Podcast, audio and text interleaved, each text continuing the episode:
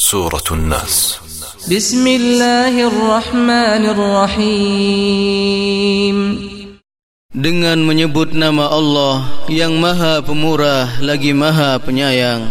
قل أعوذ برب الناس ملك الناس إله الناس Katakanlah Aku berlindung kepada Tuhan yang memelihara dan menguasai manusia Raja manusia Sembahan manusia Min syarril waswasil khannas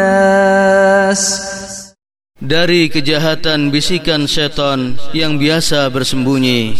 alladhi yuwaswisu fi sudurin nas yang membisikkan kejahatan ke dalam dada manusia. manusia. من الجنة والناس Dari golongan jin dan manusia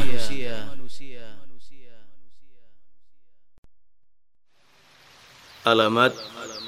Arab Saudi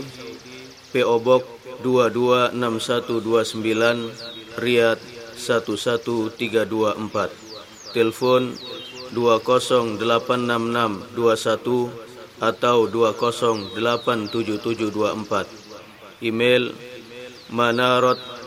underscore m at hotmail.com